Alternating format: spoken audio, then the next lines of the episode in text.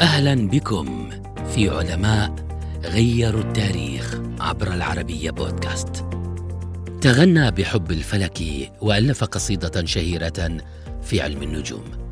إنه أبو إسحاق إبراهيم الفزاري أحد أكبر علماء العرب والمسلمين في علوم الفلك والرياضيات.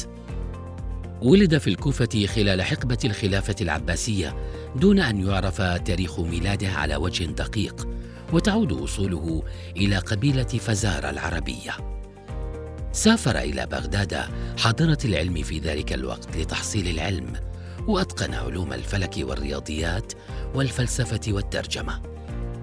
ذاع صيته بعد تطويره لجهاز الاسطرلاب وسمي صاحب أول اسطرلاب في الإسلام رغم أن مؤرخين ينسبون ذلك إلى العالم الدمشقي ابن الشاطر.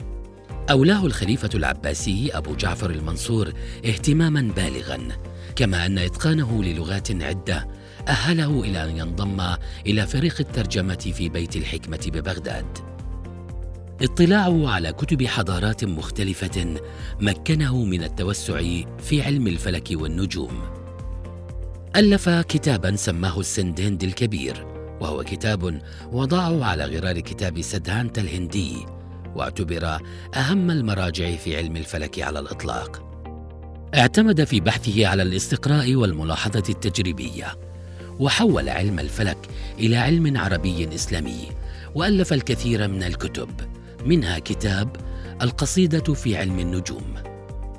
ضاعت أغلب مؤلفاته إلا أن كتاب الاسطرلابات والعمل بها نجا من الضياع واعتبر مصدرا مهما لذلك العلم في أوروبا. توفي عام 777 رغم أن مصادر تاريخية ترجح وفاته عام 796